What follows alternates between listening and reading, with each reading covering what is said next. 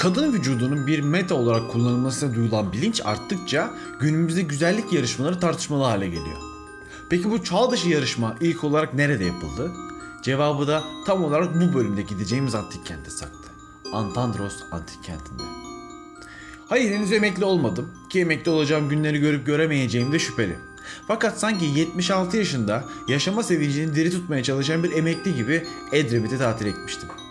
Oralara tatile gittiğimde çevre antik kentleri gezmek ise yapılması gereken ilk şeydi. Bir rota oluşturdum. Bu rotanın en ihtişamlı uğrak yeri Assos antik kenti olsa da önce otelimin yakınlarındaki Antandros'a gitmeliydim. Burada ilk yerleşim buluntuları M.Ö. 2. bin yıla tarihleniyor.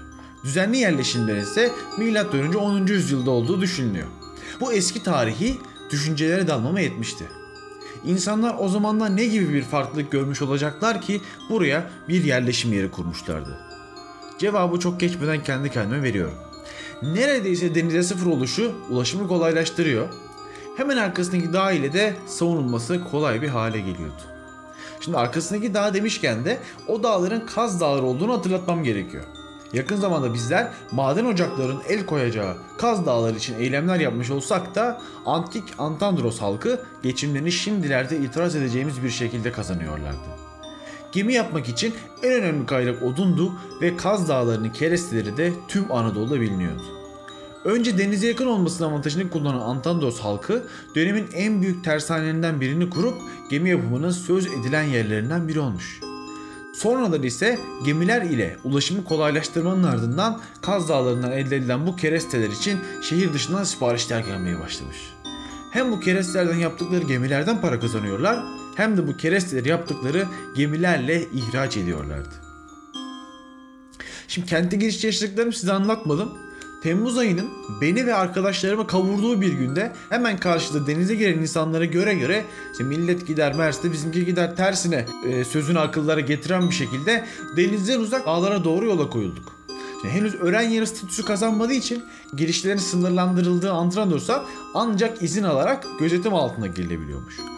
Fakat damarlarımızdaki akan delikanı durduramayıp atlayarak içeri dalıyor ve içerideki bekçi köpeği bizleri koşturana kadar görebildiğimiz her yeri görüyoruz. Şimdi içeriye girdiğimiz an aklımızı bir soru kapladı. Şimdi sadece bir Roma villası ve nekropol kısmı gözle görülürken nasıl buranın bir antik kent olduğu anlaşılmıştı acaba? Bilmem şaşırdınız mı ama cevap bizlere Strabon verecek. Dünyanın ilk coğrafyacısı olan Strabon burada Antandros isimli bir antik kent olduğunu söylüyor. Antandros, Legek kavminin bir kenti olarak kurulmuştu ona göre. Legeklerden sonra Tiryakalı Misyalılar, daha sonra da Aeoller yaşamıştı burada. Bunları bilen arkeologlar çevrede yaptıkları yüzey araştırmalarında uzunca yıllar Antandros'u aramışlar. 1842'de şimdiki buluntuların biraz yukarısında bir köyde antik bir kalıntının bir cami inşaatında kullanıldığını görüyorlar.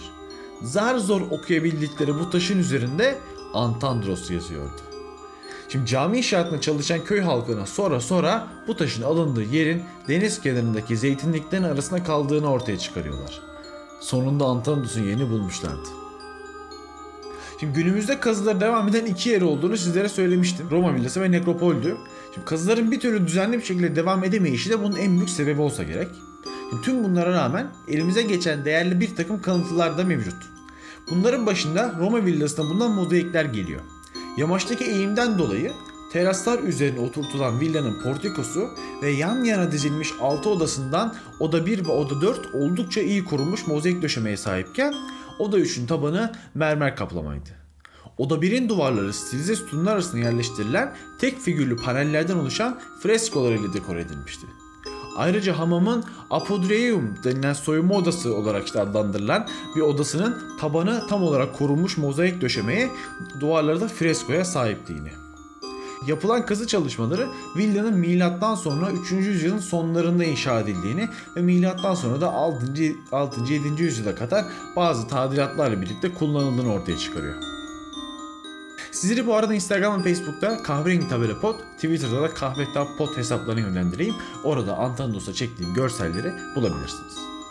Şimdi bu podcast'in belki de bugüne kadar yaptığım en kolay podcast olmasını sağlayan bir sebebi var. www.antrandos.org internet sitesi Antandos Derneği'nin kurduğu bir site. Başka herhangi bir araştırma ve okuma yapmamış olsaydım da sadece burada yazılanlarla bu bölümü hazırlayabilirdim. Altınoluk'a gittiğinizde de Abdullah Efendi konağında antik kente gelen tüm misafirleriyle birlikte bir çeşmeyi dört gözle bekleyen görevliler de sizleri bekliyor olacak. Arkeologların her yerde Antonius'u aramalarına sebep olacak bir hikayeleri de vardı tabii ki. Mitolojide sürekli adını duyduğumuz bu antik kent için belki de en çok bilinen mit Üç Güzeller yarışması. İda Dağı mitosları ve Aeneas destanı da çok bilinen hikayeler fakat onlardan ismen bahsedip meraklıların insafına bırakayım kendilerini. Üç Güzeller yarışması denen bir güzellik yarışması düzenleniyordu burada. Bu bilgiyi de yeni Strabon'dan öğreniyoruz tabii ki. Paris, Troya kralı Priamos'un oğludur. Ülkenin ülkenin başına felaket getireceği kehaneti üzerine doğar doğmaz ölmesi için İda Dağı'na bırakılmış fakat sağ kalmıştır. Günün birinde Paris İda Dağı'nda çobanlık yaparken Oinone adında bir Nife'ye aşık olur ve evlenir. Fakat Paris Afrodit'e bir söz vermişti.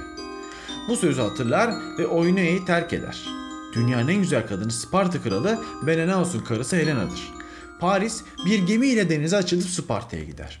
Burada Kral Menelaos tarafından karşılanır. Menelaos Katreus'un cenaze töreni için Girit'e gitmek zorunda olduğundan konukların ağırlanması için işi Helena'ya vererek saraydan ayrılır. Kısa sürede Helena ve Paris birbirine aşık olurlar. Helena Paris'le birlikte yanına aldığı hazinelerle Troya'ya doğru yola çıkar. Bu olayın ardından karısı kaçırılan Sparta kralı Menelaos, ağabeyi Agamemnon başkanlığında tüm Aka krallarını toplar ve onları Troya'ya saldırmak ve Helena'yı geri almak için ikna eder. Böylece tüm Aka ordusu gemileri ile toplanır ve Troya'ya doğru sefere çıkar. 10 yıl süren savaşın ardından Troya düşer, böylece kehanet gerçekleşmiş olur ve Paris ülkenin başına bir felaket getirmiş olur. Afrodit'i seçen Paris'in hakemlik yaptığı bu olaya da ilk güzellik yarışması denir. Milattan önce 478'de Attiko Delos Birliği'ne girmesinden de anlayacağımız gibi kuvvetli günlerini geçiren Antandros milattan sonra 6. yüzyılda terk edilmeye başlıyor. Orada doğudan gelen Arap akınlarından bıkan kent sakinleri yerleşim yerlerini değiştirerek şimdiki Altınoluk tarafına doğru bir karede yaşamlarını sürdürmek üzere taşınıyorlar. Bu taşınma sonucunda da belki de şimdiki Altınoluk ilçesi kuruluyor. Ah ah emekliler!